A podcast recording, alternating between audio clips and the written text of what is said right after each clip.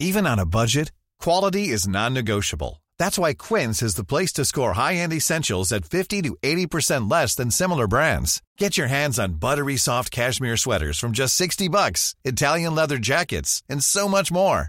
And the best part about Quince, they exclusively partner with factories committed to safe, ethical, and responsible manufacturing. Elevate your style without the elevated price tag with Quince. Go to quince.com slash upgrade for free shipping and 365-day returns. A lot can happen in the next three years. Like a chatbot may be your new best friend.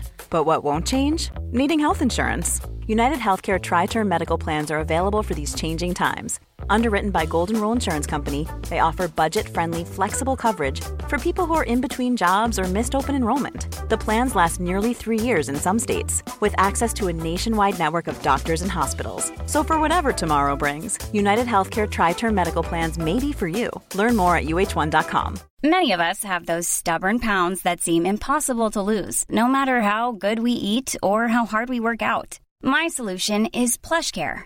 PlushCare is a leading telehealth provider with doctors who are there for you day and night to partner with you in your weight loss journey. They can prescribe FDA-approved weight loss medications like Wagovi and Zepbound for those who qualify. Plus, they accept most insurance plans. To get started, visit plushcare.com slash weight loss. That's plushcare.com slash weight loss.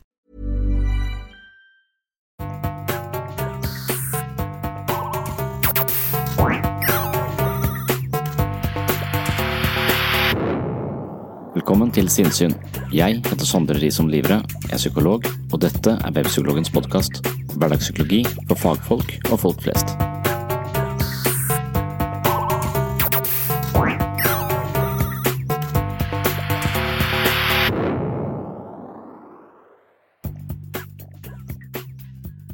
Hei og velkommen til en ny episode av Sinnsyn. I dag skal det dreie seg om en såkalt eh, holistisk innfallsvinkel til eh, psykisk helse. Jeg skal ta for meg en modell som heter psykosyntese, og den ligger litt i utkanten av hva som er stuerent i akademia, så vidt jeg vet. Psykosyntese er en integrativ psykologi som kombinerer Østens visdom om selvet med Vestens innsikt i det ubevisste. Dens formål er å formulere en visjon for menneskeheten og vårt potensial. Som psykolog har jeg vært opptatt av etterrettelighet og godt belegg for det man uttrykker av psykologiske påstander om mennesket. Behandling og teorien bak behandlingen bør være solid forankret, slik at man ikke sklir over på banehalvdelen til kvakksalvere og alternative guruer. Mye av det alternative er bra og fornuftig, men siden de mangler metoder som skiller Clinton fra hveten, er landskapet broket og sjansen for å havne med forhåpninger i en krystallkule er til stede, noe jeg er skeptisk til. Imidlertid har jeg flørtet med det spirituelle på min egen måte. Jeg har utforsket ulike religiøse tradisjoner i forbindelse med mitt bokprosjekt Psykologens journal, og jeg mener at enkelte høydepunktsopplevelser av natur eller store sammenhenger kan ha et slags spirituelt tilsnitt. I behandling ved poliklinikken har vi grupper som driver med mindfulness, meditasjon og medisinsk yoga. Dette er også elementer henta fra de østlige visdomstradisjonene, og dette blir i stigende grad et integrert behandlingstilbud i psykisk helse. Da psykosyntesen ble populær på 70-tallet, og siden har eksistert som en slags subkultur innenfor psykoterapeutisk praksis, var det kontroversielt å kombinere Østen og Vestens tradisjoner. Derfor ble psykosyntesen sett på som alternativ, og til en viss grad er den også det. Jeg vil likevel lage en episode om eh, psykosyntese basert på en artikkel av eh, Maria Therese Føll som skrev på Webpsykologen tilbake i 2011. Ingressen lyder som følger. Psykosyntesen er en holistisk og transpersonlig psykologi som også rommer individets åndelige sider. Målet er vekst gjennom dyp innsikt i egen personlighet med fokus på vilje og ressurser. Bli kjent med deg selv. Dette lyder vitterlig som noe man kan finne på et koldtbord på Alternativmessa, og kanskje hører det hjemme der. Jeg vil likevel bruke litt tid på å redegjøre for tankene i psykosyntese, da det har interessert meg fordi det baserer seg mye på Sigmund Freud. Frykten for at jeg propagerer en alternativ teori som virker ekskluderende fra det gode selskap, er til stede, men ta denne episoden med en klype salt, Hør ut argumentene, og så kan du vurdere selv. Jeg tror ikke det er så mye nytt og kontroversielt i psykosyntesen, i hvert fall ikke så mye at vi behøver å avskrive dem som humbug. Sannsynligvis har den en del kloke elementer, og så har den kanskje enkelte ideer som overskrider akademiske rammer, og kanskje bør vi la de ligge. Jeg vil jo nødig assosieres med det alternative, i alle fall ikke slik det fremstilles i populærkulturen. Skoglund, jeg vil at du skal være litt mer formell når du kommer til en doktor. Jaha. Det her er doktor Ralkatli Ja vel. God dag, doktor Ralkatli Velkommen til Oluf-senteret. Takk skal du ha. Det er senteret for alternativ til behandling. Det heter vel alternativ behandling. Ja, det er jo det jeg sier. Akkurat det vil jeg ja. Ja. Men du har altså slått deg på legebransjen, skjønner jeg. Ja. Arbeid for trygd. Det er det, ja. Ja. Jaha. Du og Lars Ja. Driver deres eget helsesenter. Ja. Hvilken form for behandling gir dere? Alternativ. Jo, men hva dere gjør? Alternativ, sier jeg jo. Til den behandling man får overalt ellers. Ja, men hva dere gjør konkret? Hvordan behandler dere folk? Jeg sier jo han Lars er alternativ på deg og han. Nei. Å ja, sånn ja, kan vi behandle med? Ja, ja, ja. Ja, sånn ja, da må du jo spørre om det. Ja, da er det håndspåleggelse. Ja vel. Og så har vi terapi. Akkurat. Og så har vi eh, aroma. Ja. Og så har vi naturmedisin. Ja. Og så healing. Akkurat. Ja. Det driver du med. Ja. Enn han, Lars? Lars, fortell hva du er. Jeg, jeg er sånn aromapaut. Hva du er, du, sier du? Jeg er aromapaut. Aromaterapeut er du! Ja. Og du pinadø leser annonsene så du vet hva du er for noe. Ja, det er greit, Ole. Jeg skjønner at jeg skjønner han driver med, jeg skjønner aromaterapi, men er han Lars kvalifisert? Han Lars, ja. Ja. Han har jo en ualminnelig god luktesans. Å ja, det har han vel. Ja da. Akkurat. Det skal Ja. ikke mer til, nei. Neida. Nei. Og du driver med healing. Ja. Når oppdaga du at du hadde de evnene, at du hadde varme hender? ja, det var allerede som smågutt. Ser du det? Ja, På folkeskolen spesielt. mer- Da merka jeg det. Ja. Jeg svetta så dyrisk i rævene. Spesielt under regneprøvene. Akkurat. Ja. Og da skjønte jeg at det var noe kraft på gang her. Ja, men har du hatt evnen til å bevare den uh, krafta? Ja, blir bedre og bedre opp gjennom åra. Det? Ja, du helsike. Jeg møtte jo Emma, Akkurat. skulle ha brent meg opp. Ja. Ja, det var ikke mange dager etter at vi møtte, jeg møtte henne, så begynte vi å hile i lag. ja vel. Jeg måtte overføre krafta mi på henne, vet du. Ja, jeg skjønner. Ja. Og vi hila så lenge at vi måtte gifte oss. Akkurat, ja. Og da ble vi enige om at vi skulle oppkalle ungene etter den krafta vi hadde. Ja. Ble det jenta som skulle hete Hilmara, og ble det gutt så skulle han hete Hilmar. Ja vel. Ja. Men siden det ikke ble noen av delene, så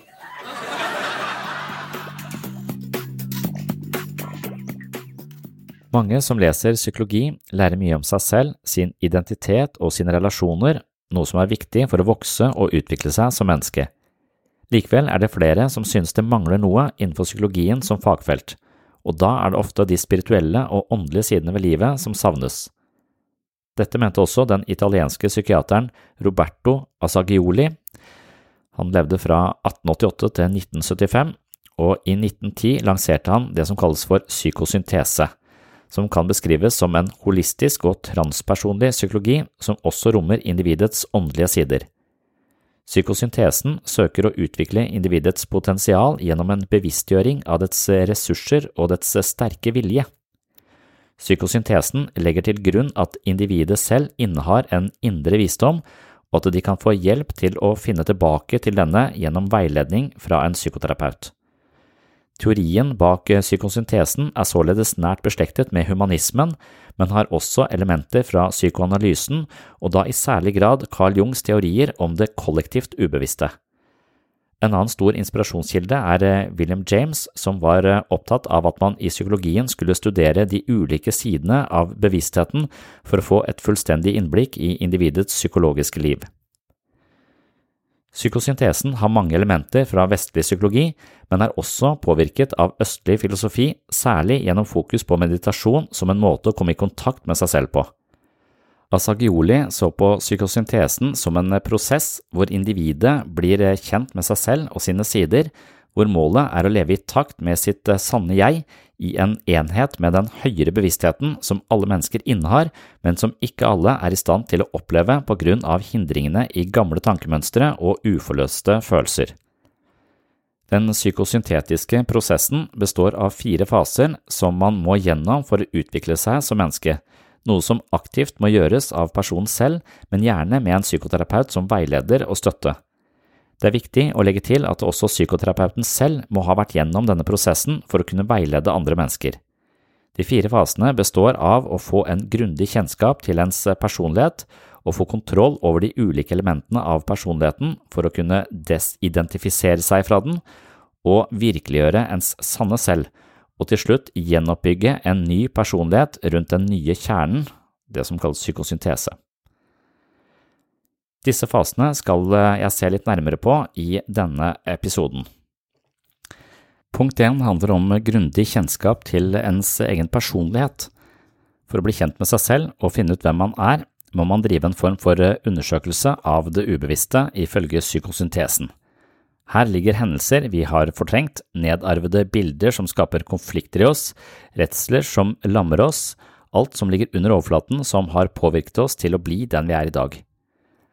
Dette er noe som også er kjent fra psykoanalysen, hvor særlig drømmetydning blir brukt for å bringe det ubevisste til overflaten. Og jeg har jo nevnt det mange ganger tidligere, at eh, Freud påsto at drømmene var kongeveien til det ubevisste. Asagioli fremhever skriving av dagbok som en god måte å få kunnskap om seg selv på. Gjennom skriving kommer gjerne ubevisste ting frem, noen mener sågar at dette skjer gjennom automatskrift, det vil si at det ubevisste overtar skrivingen. Det er jo litt eh, suspekt, synes jeg, men jeg har også hørt at det å skrive med venstre hånd er den måten man får eh, kontakt med det ubevisste på. Jeg klarer knapt å skrive med høyre hånd, så eh, det å skrive med venstre hånd det hadde blitt helt uforståelig, så det hadde vært totalt meningsløst for mitt vedkommende. Men gjennom andre teknikker, som blant annet kreativ meditasjon, kan man også komme ned i dypet av seg selv, ifølge denne psykosyntesen. Videre må man også studere områder i det midtre og det høyere underbevisste for å oppdage evner og potensialer i oss selv som vi ofte undertrykker på grunn av redsel og mangel på forståelse. Her må individet studere sine tanker og følelser så objektivt som mulig for å forsøke å forstå hvorfor man handler som man gjør. Ofte finner man at tankemønstre og atferdsmønstre er etablert allerede i barndommen, at eh, måten man tenker på er eh, tillært fra ens eh, egne foreldre og omgivelser, og ikke nødvendigvis er i tråd med det sanne selve. Følelseslivet kan være hemmet som følge av tidligere opplevelser, kanskje ble man oppdratt i et hjem hvor man ikke skulle vise følelser, kanskje er man preget av mye kritikk og lite positiv oppmuntring, eller kanskje undertrykker man følelser som følge av psykisk eller fysisk mishandling. Gjennom den første fasen i psykosyntesen skal man altså kartlegge seg selv og sin personlighet, for eh, slik å komme videre til neste fase, som er å få kontroll over personlighetens elementer. Og mye av dette her kjenner vi igjen fra den psykoanalytiske teorien. Jeg pleier å si at alt du tenker og føler er feil, det er jo litt den samme beskjeden vi får her i psykosyntesen, altså at eh, veldig mye av eh, autopiloten vår er programmert fra tidlig alder, og våre umiddelbare reaksjoner, måter å tenke på og følelser er ofte innkoda på et tidlig tidspunkt og ikke nødvendigvis den beste måten å verken tenke eller føle på. Og det kan også hende at eh, den måten vi har blitt opplært til å tenke på eller eh, reagere på, ligger litt eh, langt fra våre mer naturlige tilbøyeligheter. Det er i alle fall teorien i psykosyntesen. Og på dette punktet så er jeg kanskje litt usikker på om de har rett, iallfall finnes det veldig mange andre måter å tenke på. Her er det et slags grunnpremiss om at det finnes et eh, sant selv, eller et egentlig oss, som vi er, mens eh, alt vi erfarer og alt som skjer med oss i livet, korrumperer dette sanne selvet, som gjør at vi kommer ut på blindveier og lenger fra vårt eh, egentlige potensial. Og da ligger det jo som et eh, premiss her da, at det faktisk finnes et eh, sant og rent selv som er den egentlige oss, mens dette egentlige selvet har blitt eh, korrumpert av all verdens erfaringer, ideologier og måter å tryne på gjennom livet som har ført oss på ville veier og vekk fra oss selv.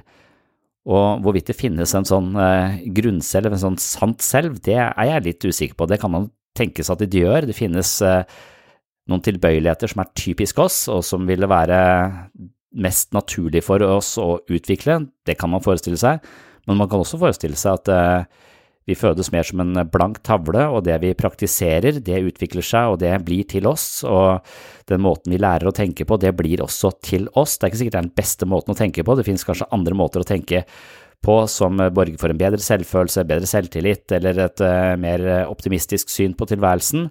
Så det er jo gode og dårlige måter å tenke på, men det er ikke sikkert det er noe mer eller mindre sant uh, i forhold til vårt uh, underliggende jeg. Og så noen tenker at vi er eh, Vi har noen vi har, vi har, født med en eller annen sånn grunnmur som vi er nødt til å finne ned til og frem til og kultivere for å bli den vi er ment å bli, mens andre kan tenke at vi er født som tomme tavler, og vi kan skape akkurat det vi ønsker å bli selv. Vi har kanskje noen ferdigheter som er uh, motorisk litt mer eh, veletablerte eller velutrusta fra starten av, eller eh, på en eller annen måte noen genetiske disposisjoner som legger til rette for noen aktiviteter som ligger naturlig for oss. Men eh, bortsett fra det så er vi egentlig skapt på en sånn måte at vi kan eh, skape oss selv, vi kan eh, utvikle oss, og det vi trener, det får eh, større plass, og det blir, det blir til oss. Og da er det ikke noe egentlig oss, det er bare en slags potensial som vi kan skape og styre i ulike retninger. Og jeg vil nok helle til at det kanskje er litt av begge deler, men psykosyntesen virker det som har en grunnleggende forståelse for at det finnes et sant selv, en egentlig vei, og i selvhjelpslitteraturen så har ofte bøker i denne sjangeren en eller annen sånn tittel med Finding Your Northern Star, altså finne din vei i livet. Jeg tror nok at vi kan skape vår vei i livet, og at det finnes mange veier å gå som eh, kan eh, føre oss til et meningsfullt eh, liv, men det finnes også mange veier å gå som fører rett inn i mørke tunneler eller inn på blindveier. Og det er jo livskunsten å finne, finne noen veier som i hvert fall ikke fører inn i mørket. Og jeg skal ikke dvele så mye mer ved dette punktet, dette første punktet, som også handler om eh, en grundig kjennskap til ens personlighet. Men her regner altså psykosyntesen med at man eh, kan finne frem til sitt sanne jeg. Og i selvhjelpslitteraturen så ser man denne forskjellen på disse to skolene, hvor den ene skolen handler om å finne sitt sanne jeg, og den andre handler om å skape seg selv.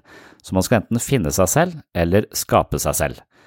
Hvis man skal finne seg selv, så er det et eller annet å finne som allerede er der. Hvis man skal skape seg selv, så begynner man litt med blanke ark, og så tegner man en variant av seg sjøl. Og det er to forskjellige måter å tilnærme seg menneskets vekst og utvikling eh, på.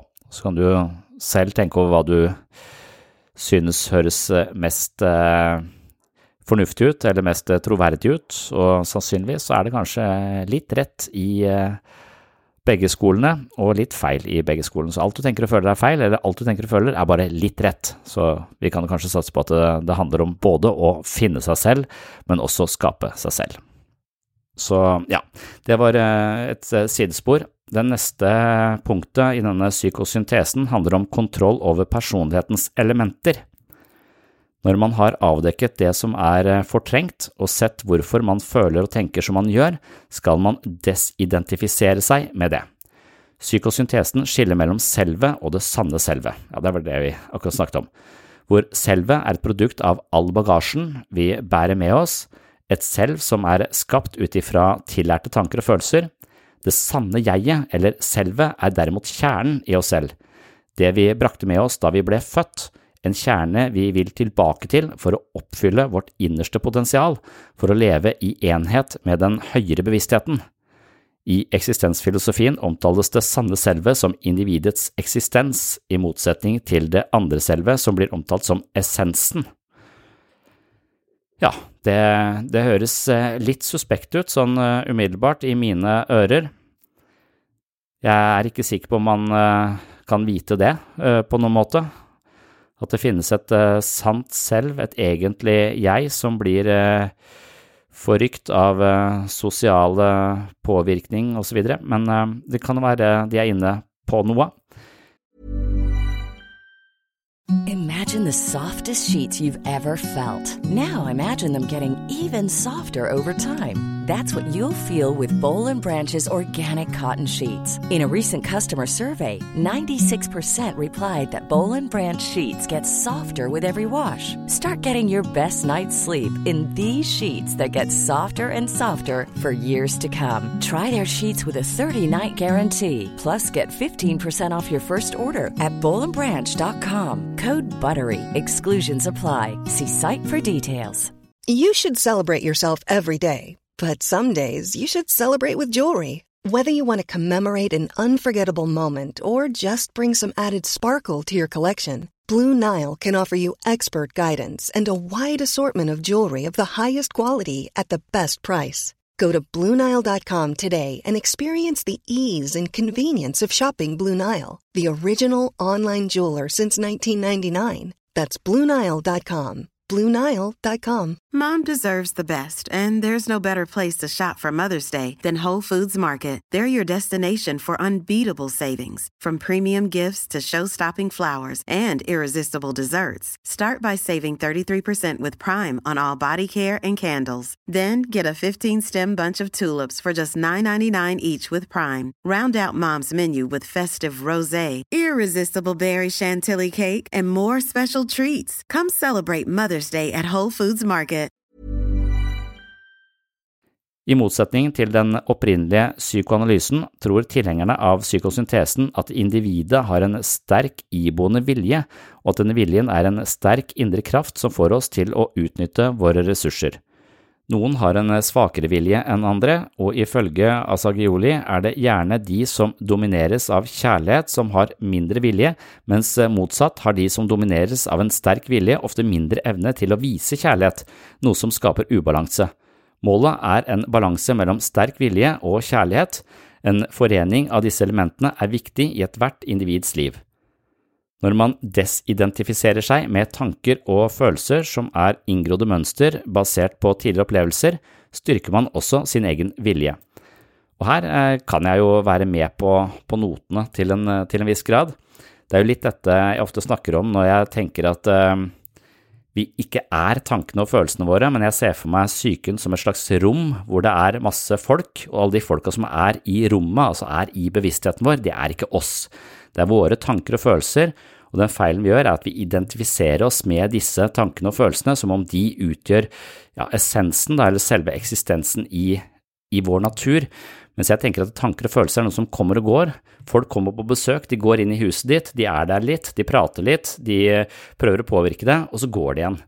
Og sånn er det med tanker også. Altså, de er ikke oss, de kommer, de plager oss litt, og så går de. Og noen ganger så kommer de, og så blir vi så opphengt i de at vi lar de være der og bosette seg der, og hjernevaske oss. Det kan være bekymringstanker som eh, vi ikke klarer å gi slipp på, aldri slipper ut av vårt eget hus, og så bor de der. Men hvis man forstår det at man ikke er tankene sine, at de er eh, tilfeldige perspektiver på livet der ute, og vi må ta alle sammen med en klype salt, så, så, forstår man også dette som jeg pleier å si, at alt du tenker og føler er feil, eller alt du tenker og føler er bare litt riktig. Det er bare ett av mange perspektiver, for det er masse folk som kommer og går inni denne bevisstheten din. Og du er ikke de tankene, derfor så vil eh, negative tanker, sterke følelser, ikke på en måte slå deg i bakken, fordi du vet at dette er noe som uh, ikke er deg, men noe som opptrer i bevisstheten din, og du er bevissthet, og ikke det som er inni bevisstheten, og det er jo litt sånn østlig inspirert, kanskje, og jeg klarer ikke helt å forklare det på noen god måte, men det er litt i de banene jeg tror også psykosyntesen tenker, da. Så når man altså disidentifiserer seg med tanker og følelser, som er den innsikten at vi ikke er tankene og følelsene våre, og at disse tankene og følelsene ofte er inngrodde mønster basert på tidligere opplevelser, styrker man også denne viljen som psykosyntesen er opptatt av og dette fordi at man ikke lenger lar tanker og følelser styre seg og fortelle hvem man er. Dersom du hele tiden sier til deg selv at du er nedbrutt og deprimert, blir du etter hvert dominert av depresjonen. Du identifiserer deg med denne følelsen slik at den blir en del av deg. Om du isteden observerer følelsen når den kommer, og sier til deg selv at nå prøver en følelse av nedbrutthet å komme over meg, klarer du etter hvert å se at du ikke er denne følelsen. Det er bare en følelse, noe du har, i likhet med at du har eh, tanker som hele tiden snakker i ditt indre. Dette er ikke noe du er, det er noe du har. Og i min metafor så er det da altså folk som er på besøk i ditt hus, og huset er bevisstheten, og du er bevissthet, og ikke de som er på besøk. I denne fasen, hvor man skal få kontroll over personlighetens elementer, må man hele tiden være bevisst for å klare å skille mellom hva som er det sanne selve, og hva som er det konstruerte selve. Når man etter hvert klarer å skille mellom disse selvene, styrkes også viljen til å leve i takt med den man egentlig er, til å virkeliggjøre sitt sanne selv, som er eh, fase tre i psykosyntesen. Så det å forstå sin egen personlighet, altså jeg har snakket om det i en øvelse her på Patrion som handler om å tenke som en komiker. For av og til så vet ikke jeg helt hva det dreier seg om når du sier kjenn etter på følelsen, eller observer tanken. Ofte så har jeg mer en opplevelse at jeg tenker tanken, og jeg identifiserer meg med tanken, som er denne sammenblandinga av tanken og hvem jeg er. Altså, da, da, ser jeg ikke forskjellen på bevisstheten og det som dukker opp i bevisstheten, og sånn tror jeg de fleste av oss er fanget av våre egne tanker og følelser hele tiden. Men når jeg blir oppmerksom på at jeg for eksempel er i et dårlig humør, eller at jeg plutselig er veldig amper i trafikken, eller oppfører meg ganske aggressivt, så tenker jeg ofte på meg selv, jeg går litt ut, prøver å på en måte observere meg selv, være meg selv, og det jeg kan se er ikke så mye tanker og følelser, men jeg kan se karakterer. Jeg kan eksempel se at jeg plutselig blir Oslo-losen i, uh, i skikkelse av han Harald Eia, en sånn amper hissig guide i, i Oslo, hvor jeg prøver å overbevise noen andre og bare kjører over uten å ta hensyn til de, og da kan jeg på en måte si oi, nå ble jeg litt Oslo-losen, som at jeg har karakterer som bor i meg. Jeg er ikke disse karakterene, men de karakterene dukker opp i min bevissthet, og hvis jeg identifiserer meg med de, så spilles de også ut. Men jeg oppdager at oi, nå er jeg litt Oslo-losen, eller nå blir jeg nervøs og usikker, og jeg prøver å please andre ved å si ting bare for å si hyggelige ting. Da tenker jeg at jeg er litt han Alexander så, uh, i, som hun uh, Lene Kongsvik eh, representerer en av, en av, sine serier, Kongsvik ungdomsskole, den litt sånn stusslige typen som hele tiden prøver å få venner, men alle bare utnytter og overser.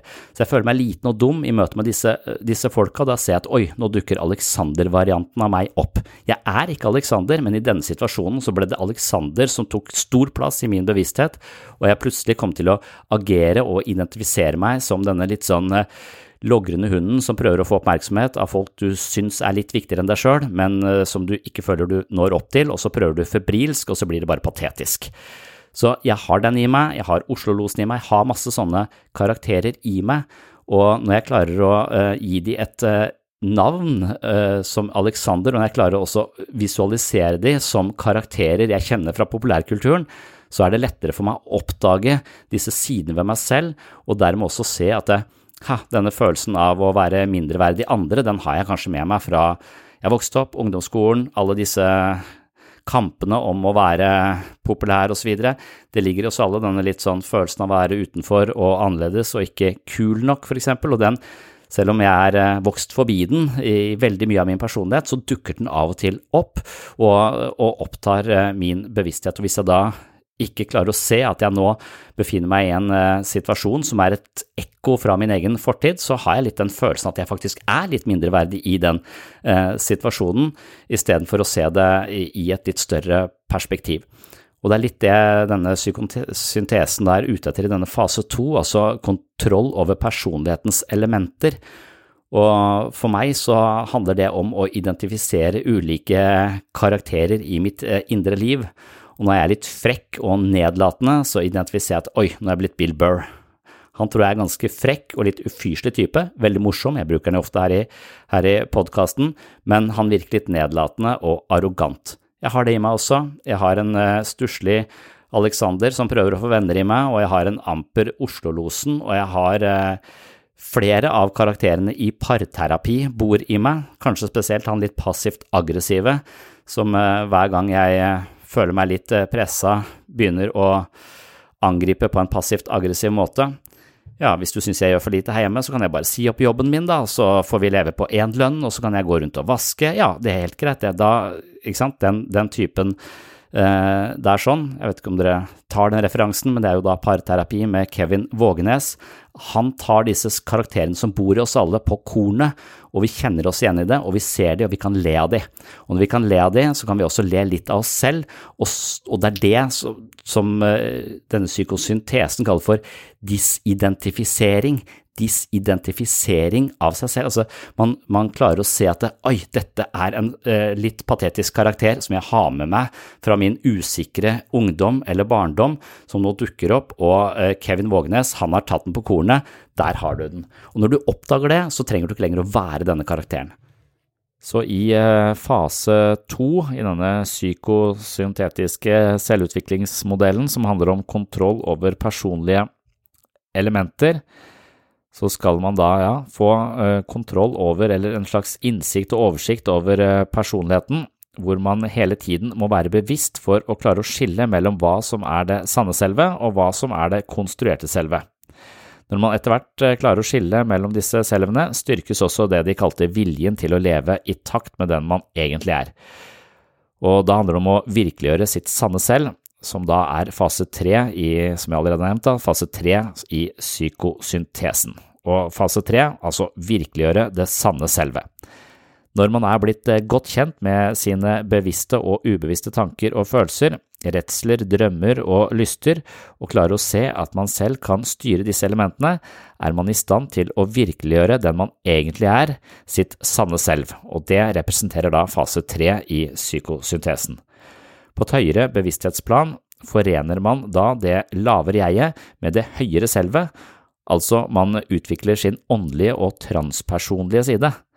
Dette er imidlertid ikke noe alle verken kan eller vil oppnå på det stadiet de befinner seg i.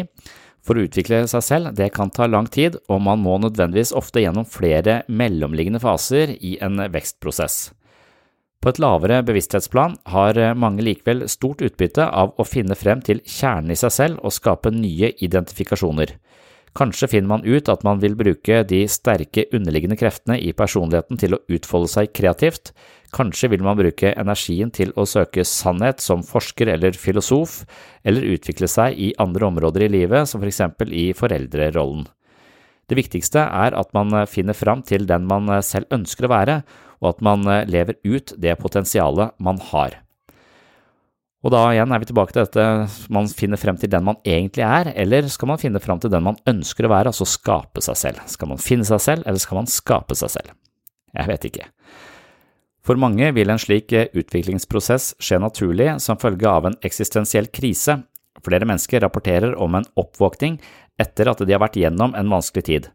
Sånn sett er det naturlig at disse menneskene forteller eh, at de ikke ville unnvært krisen de har opplevd, enten det dreier seg om fysisk eller psykisk sykdom, samlivsbrudd eller andre utfordrende situasjoner.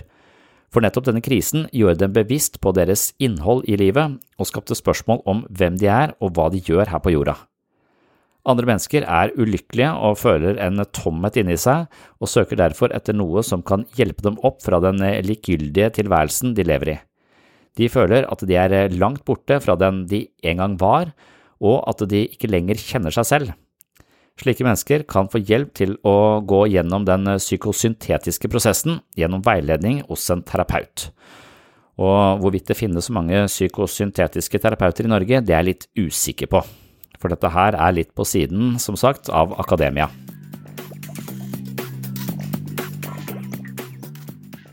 Her eh, avsluttes eh, dessverre denne episoden, men dette var bare litt under halvparten av eh, episoden i sin helhet, altså et kort utdrag fra en lengre episode som er publisert på min Patron-side. Jeg legger ut en liten smakebit her, og jeg håper at det frister flere av dere som finner verdi på sinnssyn til å støtte prosjektet på patron.com for segs sinnssyn. Der har jeg jo etablert det jeg kaller et eh, mentalt treningsstudio, hvor du får tilgang på eksklusivt ekstramateriale. Du får eh, blant annet eh, hele denne episoden, altså den siste halvtimen eller de siste tre kvarterene av denne episoden, og du finner også den øvelsen som jeg snakket om så vidt i innledningen til denne episoden, hvor jeg snakket om å tenke som en komiker og altså identifisere ulike personligheter i seg selv. Det hører egentlig til en, en øvelse på mitt mentale treningsstudio, som du også finner da på eh, patron.com. På Patron publiserer jeg videoer, ekstra episoder av sinnssyn og konkrete selvhjelpsøvelser. Som medlem på min Patron-side kan du også høre meg lese mine egne bøker, og først ut er Selvfølelsens psykologi bedre selvfølelse ved å bruke hodet litt annerledes. Hver måned leser jeg et par kapitler, og på slutten av hvert kapittel vil jeg utfordre deg til å implementere de psykologiske og filosofiske ideene i ditt eget liv ved hjelp av konkrete øvelser. Jeg er overbevist om at hjernen er en muskel som trenger trening, på lik linje med resten av kroppen. Har du sterke muskler i armer og bein, klarer du kanskje å løfte tunge kasser. Har du solide mentale muskler, klarer du å stå i utfordringer, håndtere stress, lodde dybden i deg selv og skape et meningsfullt liv med gode relasjoner. På Sinnsyns mentale helsestudio inviteres du til flere dypdykk i menneskets indre liv, og det gjøres i samme takt og tone som du er vant til på den åpne podkasten. Jeg håper at du vil bli medlem på Patron dersom du er en person som finner verdi i dette prosjektet, og som derfor har lyst til å støtte meg med et lite beløp i måneden. På Patron kan du støtte meg med 5, 8 eller 14 dollar i måneden. Det bør ikke tilsvare mer enn en kopp kaffe i uka, og ved hjelp av din støtte kan jeg fortsette å jobbe med Synsyn. Jeg vil også benytte anledningen til å si tusen takk til alle dere som allerede har støtta meg på Patron, det setter jeg utrolig stor pris på. Jeg liker å jobbe med sinnssyn og webpsykologen, men jeg bruker enormt med tid på dette prosjektet. I tillegg er det mer kostnadskrevende enn man skulle tro rent økonomisk sett. Hvis du setter pris på det du får her på Sinnsyn, og har muligheten til og lyst til å bli medlem på Patron med et lite beløp i måneden, kan du bidra til å holde hjula i gang her på podkasten. Og dersom flere av dere støtter podkasten med en liten sum, kan jeg gradvis øke både kvalitet og kvantitet på hele prosjektet. Som takk for støtten vil du også få mye ekstramateriale. Denne korte episoden innledet med en smakebit fra en lengre eh, episode om psykosyntese, hvor jeg går enda mer i dybden på de ulike begrepene i denne holistiske psykologiske modellen. Et medlemskap eh, på Patron har ingen bindingstid, og det er noe du kan si opp med et tastetrykk. Dette er en finansieringsmodell som belager seg på tillit og støtte. Patron er en side for artister og andre folk som lager innhold, men som i utgangspunktet ikke har muligheten til å tjene så mye på dette innholdet. I prinsippet er sinnssyn gratis for alle, og det skal det fortsette å være. Likevel håper jeg at noen av dere som hører på, synes det er verdt å støtte podkasten med en liten sum, og på den måten kan innholdsskapere som meg selv få noe tilbake for all den tiden og de kreftene som legges inn i arbeidet. For dere som ikke har muligheten til å støtte sinnssyn, er det selvfølgelig helt i orden, og jeg har full forståelse for det. Da kan du høre ukentlige episoder som vanlig her på den åpne podkasten uten noen form for dårlig samvittighet. Mitt mål er å spre kunnskap og interesse for filosofi, psykologi og menneskets indre liv til så mange som mulig.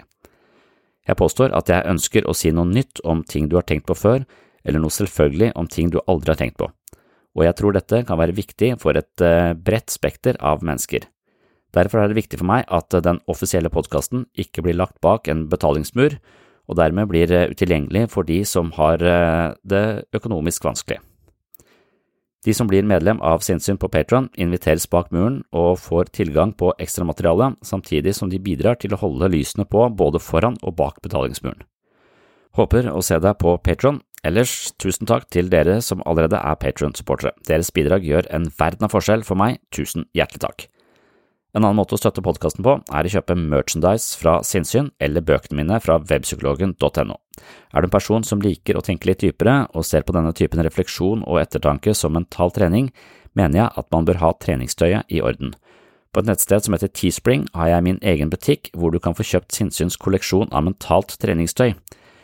Kolleksjonen heter Alt du tenker og føler er feil, og hvis du skjønner hva det slagordet skal formidle, må du nesten ha en skjorte som reflekterer denne innsikten. Sjekk ut mine T-skjorter og hoodies på Teespring. Linken finner du i shownotes eller på webpsykologen.no. Takk for følget, og takk for støtten, og på gjenhør i neste episode, som sannsynligvis er rett rundt svingen. Du får den i din podkast-app i løpet av et par dager, skulle jeg tro. På gjenhør!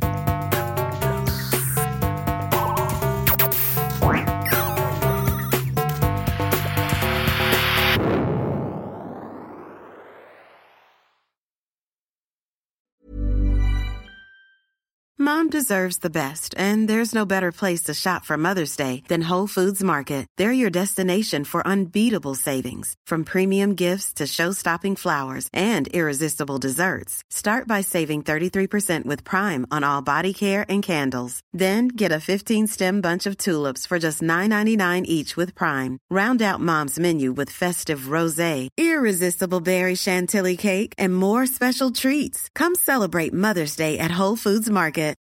Mom deserves the best, and there's no better place to shop for Mother's Day than Whole Foods Market. They're your destination for unbeatable savings, from premium gifts to show-stopping flowers and irresistible desserts. Start by saving 33% with Prime on all body care and candles. Then get a 15-stem bunch of tulips for just $9.99 each with Prime. Round out Mom's menu with festive rosé, irresistible berry chantilly cake, and more special treats. Come celebrate Mother's Day at Whole Foods Market. Planning for your next trip?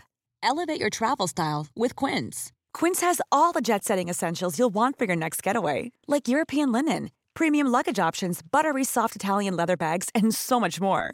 And is all priced at 50 to 80% less than similar brands. Plus, Quince only works with factories that use safe and ethical manufacturing practices. Pack your bags with high-quality essentials you'll be wearing for vacations to come with Quince. Go to quince.com slash pack for free shipping and 365-day returns.